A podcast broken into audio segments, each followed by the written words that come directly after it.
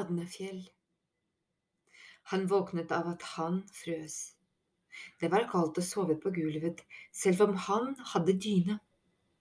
Han så opp. Over ham hang bildet av verdens mest berømte klovn. På sofaen nede i stua satt en annen klovn og sov. Pappa. Han var ikke berømt, men trist. Det var han. Charlie ble liggende litt mens han tenkte på det merkelige ved at akkurat nå lå han på gulvet på rommet sitt, samtidig som han drev nedover en elv for å finne Mina, Oda og Bård. Han skjøv dynet til side. Det var noe i hånda hans. Han åpnet den. Det var en nøkkel. En gammel, rusten jernnøkkel. Han hadde tatt med seg nøkkelen fra drømmen og hit til soverommet, inn i virkeligheten. Han husket såret han fikk i flyplassdrømmen, og hvordan han våknet med blod på hånda i virkeligheten. Det kunne på en måte forklares. Dette var noe ganske annet. Dette var umulig. Han skalv over hele kroppen. Nøkkelen, han trengte den i drømmen. Han måtte finne en måte å få den med seg til Adnefjell på. Det var livsviktig. Det viktigste må man alltid ha nær hjertet. Det var mamma som hadde pleid å si det.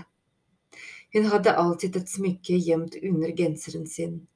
Det var et enkelt kjede med en liten medaljong som kunne åpnes. I den var det et bilde av Charlie som baby. Det var det bildet hun hadde kalt det viktigste. Han visste hvor det smykket kanskje kunne være. Nå hørte han gjøken gale fem ganger. Han listet seg ned trappa. Pappa så fortsatt, men han måtte ha vært våken en eller annen gang, for han hadde lagt seg ned. Charlie fant blokk og penn roteskuffen på kjøkkenet og begynte å skrive. Hei, pappa. Kan du være stille når du står opp? Jeg hadde mareritt i natt og har vært mye våken. Ring når du er på hotellet. Overnatter hos Ragnhild og Odd. Lykke til. Stakkars pappa. I dag ville sikkert Ragnhild ringe ham og fortelle det som hadde hendt. Hun kom til å si at han hadde skreket til henne, at mamma hadde stukket av, og at han hatet henne. Og hva med skolen? Astrid ville sikkert også ringe. Moren min stakk av med en jævla arkitekt, og jeg hater henne, hadde han svart da Astrid ba ham fortelle hva foredraget hans skulle hete. Pappa ville bli så lei seg. Han hadde dårlig samvittighet overfor både Ranhild, Astrid og pappa, men de var tross alt voksne. Det var mer synd på Mina, Oda og Bård. Charlie la lappen på bordet og fortet seg opp igjen. Han gikk raskt inn på rommet til pappa og åpnet klesskapet. Han måtte stå på en stol for å nå opp til hullet øverst over pappas skjorter. Der, bak skjerf og lyer, hadde pappa gjemt en eske. Charlie kjente at han ble sint der han sto. Pappa snakket aldri om mamma. Han lot som hun aldri hadde levd. Likevel gjemte han tingene hennes som en hemmelig skatt. Charlie tok esken med til rommet sitt og tømte alt innholdet utover senga si. Det var mest bilder der. Det var bilder av mamma som ung, mamma i regnjakke og mamma med rar hatt. Det var mamma som sov, mamma med Charlie og mamma som fisket på brikke. Det var kanskje 15 bilder til sammen. Et bilde var litt større enn de andre. Det var innrammet. Det var bryllupsbildet. Det hadde hengt på stueveggen i det gamle huset. Mamma var pen i den hvite kjolen, og pappa, ja, han var tynn og annerledes. Han smilte så fint. Det var lenge siden han hadde sett pappa så glad. Det var lett å se at de var lykkelige på bildet. Alt som var igjen av mamma, lå i denne lille esken, og den hadde pappa gjemt bare for seg selv. Han kjente sinnet boble opp igjen. Det var så urettferdig. Med et byks var han ute av senga. Han tenkte ikke, han bare gjorde det. Han tok tak i hjørnet på klovneplakaten og røsket den ned av veggen. Han rev den i fillebiter og slengte den inn i hjørnet av rommet. Sånn. Igjen satte han seg på senga. Hvor var smykket? Under alle bildene lå det noen få ting. Det var smaragdringen hennes. Den hun hadde arvet etter bestemoren sin. Der var armbåndet med sommerfugler. Det var litt barnslig, kanskje, men mamma hadde likt det så godt likevel. Han prøvde å lukte på det for å kjenne om lukten av mamma var der ennå, men det luktet bare metall. Der fikk han øye på det han lette etter, sølvkjedet med medaljongen. Han tredde den rystne nøkkelen på kjedet og la det rundt halsen. Han var klar. Nå skulle det skje. Han hadde dårlig tid, det var allerede natt til 31. oktober. Gråbein hadde jo sagt at de dødens dag var 1. november. Men tiden er knapp, ikke vent, når de dødens dag kommer, er alt for sent. Han måtte skrive ned drømmen og alt Gråbein hadde sagt før han la seg til å sove igjen. Han åpnet Mac-en og dobbelttrykket på Dreamboxen. Han skrev bare stikkord. Trappa dit du skal. 111 trinn. Elleve glemsel. De dødens dag. Den første ellevte. Han stirret på skjermen. Han hadde automatisk skrevet 1. november, slik han hadde lært på skolen. Første dag i ellevte måned, altså en elleve. De dødens dag, en elleve. Det var de igjen, disse tre ettertallene. Det var de igjen, disse tre ett-tallene. Det var det de betydde. 1. november. Bildet av Mine på gravsteinen, bilde av henne i snøværet, trappetrinnene i Dit du skal, hans eget fangenummer. Alt pekte mot den dagen, mot døden. Mine kommer til å dø den 1. november, og jeg ikke klarer å redde henne, tenkte han. Det må være det det betyr. Jeg må inn i det fjellet med en eneste gang. Han klappet sammen Mac-en og la den på stolen. Men hvordan skal jeg klare å sovne igjen? Nå tenkte han ikke, han sa det halvhøyt til seg selv. Hvordan skal jeg få til å sovne når jeg vet at jeg skal rett inn i verdens verste mareritt? Han la seg i senga, opp på dyna, sammen med alle minnene om mamma. Ta det sammen, du er Charlie drømmevandrer, skal du være en drømmevandrer, må du i alle fall lære deg å sovne. Han konsentrerte seg, om ikke å konsentrere seg. Han passet på at armene lå tungt ned mot senga. Han passet på at skuldrene ikke var anspente. Han kjente etter at ryggen berørte madrassen hele veien og at beina var slappe. Pust inn, ut, inn, ut.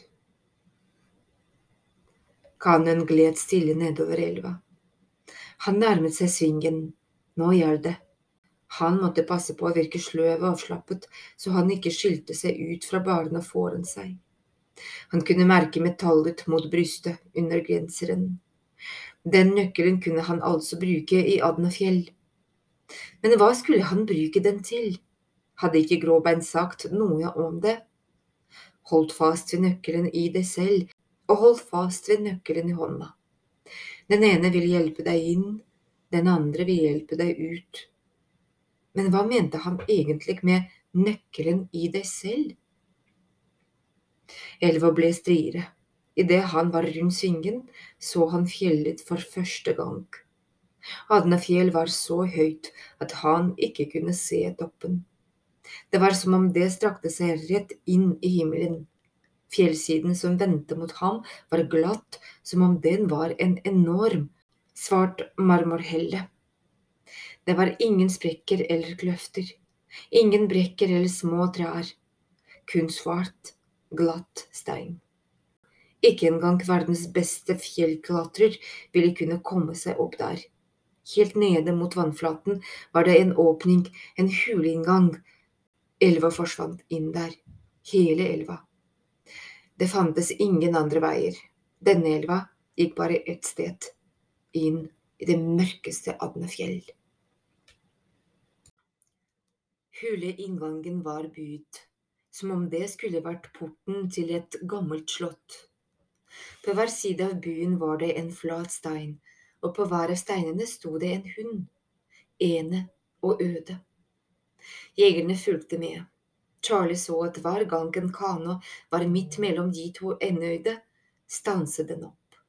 Det virket som om den støtte mot et eller annet i vannet.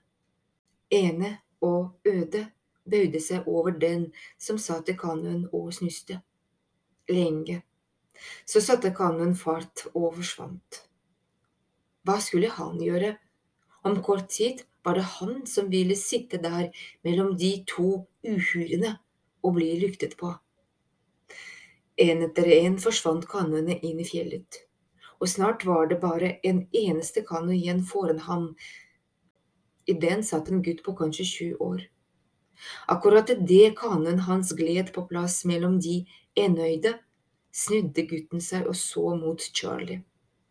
Han hadde store briller, men gjennom glassene kunne Charlie se at øynene hans lyste av redsel. Pupillene var store og stive. Det var som om øynene var i ferd med å dø.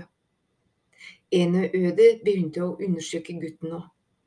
Det snuste på hver centimeter av ham. Gutten beveget seg ikke.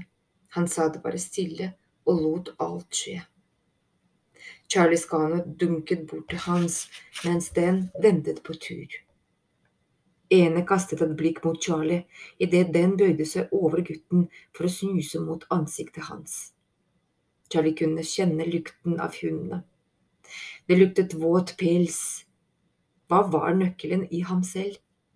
Ene og Øde var visst fornøyde, for de rettet seg nå opp, og guttens kano satte fart.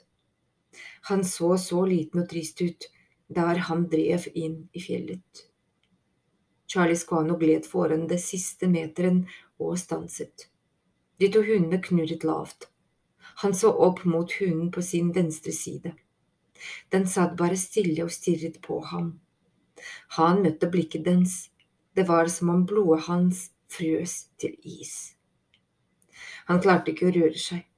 For om guttens øyne hadde lyst av redsel, så lyste dette øyet av ondskap, ren ondskap. Charlie klarte å senke blikket. Hva var nøkkelen i han selv? Han så forsiktig opp mot hunden til høyre, som om den ville gi ham svar. Også denne jegeren stirret på ham. Han kunne ikke se at den beveget kjeften, men han hørte lyden likevel. Den knurret. Det var en lav, dyp lyd som kom fra et mørkt sted inni den. Den bøyde seg fram mot ham. Igjen senket han blikket. Også jegeren til venstre lente seg over ham nå. Lukten var forferdelig. Der visste han plutselig hva nøkkelen han selv var. Alle som forsvant inn i fjellet, var triste. De hadde mistet gleden. Det var nøkkelen. Nøkkelen ham selv var sorg. Nøkkelen var mamma. For første gang på et år slapp han løs all det som gjorde vondt inni ham. Han hadde mistet mamma, men istedenfor å sørge hadde han vært sint. Sint og stille. Han kjente hvor utrolig mye han savnet henne. Han savnet latteren hennes, brødskivene med epleskiver, eventyrene, lukten av håret, alt. En og øde var så nær at han kunne kjenne snuten og motskinnet nå. Når som helst kunne de glefse til om de ville. Om bare mamma hadde vært her. Kjære, kjære mamma. Han kjente henne på en måte i hele kroppen, og han merket at han gråt. Så rykket det til i kanoen, og han var på vei inn i fjellet. Først var det vanskelig å se noe der inne, men litt etter litt vendte øynene seg til mørket. Han kunne skimte kanoen med den spinkle gutten et stykke foran seg. Det var mindre kraft i elva her, for det gikk sakte forover. Daget over ham var byet, litt som å være i en tunnel. Langs begge sider av elva kunne han ane skygger som beveget seg. Det måtte være ene og øde som fulgte med. Han snudde hodet og så bakover mot huleinngangen. Nei, de to jegerne var der ute ennå. Han knep øynene sammen for å se bedre. Da husket han hva Gråbein hadde fortalt. Hundene du har møtt, er bare to av mange. Ene og øde er jegere, men der inne er vokterne. Det måtte være dem han skimtet. Elva endte i en underjordisk hall, eller kanskje heller en underjordisk havn. Det var fakler et sted, for det var lettere å se nå. Han så de tomme kannene foran seg. Han tenkte på den sommeren han var åtte år, da de hadde vært på tivoli i København. Han hadde ikke vært gammel nok til å prøve særlig mye av det han hadde hatt lyst til å prøve, men dragebåtene fikk han ta. Det hadde vært regnvær og nesten ikke folk på tivoli den dagen, men han ville prøve de små båtene likevel. Han var våt og kaldt der han satt alene ute på den lille dammen. Han kunne huske hvordan mamma og pappa sto holdt rundt hverandre under en rød paraply mens de vinket til ham, og rundt ham hadde det bare vært tomme båter. Nå var det ingen mamma og pappa som fulgte med, isteden sto vokterne der. Kannen hans støtte mot de andre som lå der. Igjen hørte han dyp knurring. Det var en tydelig beskjed. Han så på vannet rundt seg. Vannet var svart. Sjøen i Hadnafjell var ikke bare mørk som et tjern i skogen, men bekksvart. Charlie reiste seg forsiktig og begynte å klatre opp på brygga. Det var vanskelig å få tak, for steinbrygget var våt og sleip. Han kjente at noen tok tak i armen hans for å hjelpe ham. Det var Oda. Han kom seg opp på knærne og smilte til henne. Oda, begynte han, den kom ikke lenger før en av vokterne var der med et byks. Hvor den kom fra, ante han ikke. Den var bare plutselig rett foran ham. Det store øyet til pannen gransket ham, og helt rolig trakk den tannkjøttet tilbake og viste ham tennene sine. Det var forferdelig. Det var som å stirre rett inn i gapet på en hvit hai. Charlie kunne se at denne hunden ikke var helt lik ene og øde. Den var på en måte bredere, tyngre. Der ene og øde var skapt for jakt, for å løpe hurtig over store områder, var denne skapt for styrke. Den skulle passe på. Den skulle holde uvedkommende unna og sørge for at ingen noen gang kom ut herfra. Pelsen til de to enøyde jegerne var grå, nesten som ulvepels, men pelsen på denne vokterhunden blinket som var den av sølv. Igjen hørte han den lave knurringen. Charlie nikket for å vise vokteren at han forsto at han ikke fikk snakke. Den ble stående enda en stund og stirre på ham før den forsvant i mørket. Kom igjen, følg etter Rashid, det var jenta med fakkelen som snakket. Den kraftige gutten med den andre fakkelen begynte å gå bortover brygga. Det var altså Rashid. En etter en fulgte de etter. Ingen turte å si noe. Charlie befant seg omtrent midt i flokken. Han prøvde forgjeves å få øye på Bård. Bak Charlie gikk gutten som hadde sittet i kalven foran Hans. Charlie kunne høre at han snufset. Han prøvde å snu seg og smile, liksom for å trøste ham.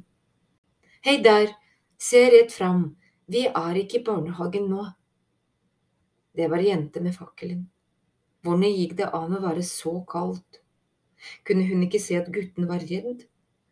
De to ungdommene måtte være en slags ledere.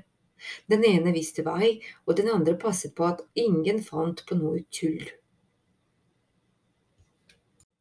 Charlie prøvde igjen å unngå å la redselen få makt over ham. Han prøvde å legge merke til alt rundt seg. Han var her for å redde dem. Han måtte se etter mulige veier ut, etter gode gjemmesteder, etter måter å lure vaktene og vokterne på. Hvor skulle de egentlig, og hvor var elva? En elv slutter ikke bare inne i et fjell, sånn helt uten videre. Det måtte være et sted den fortsatte fra, en vei ut herfra.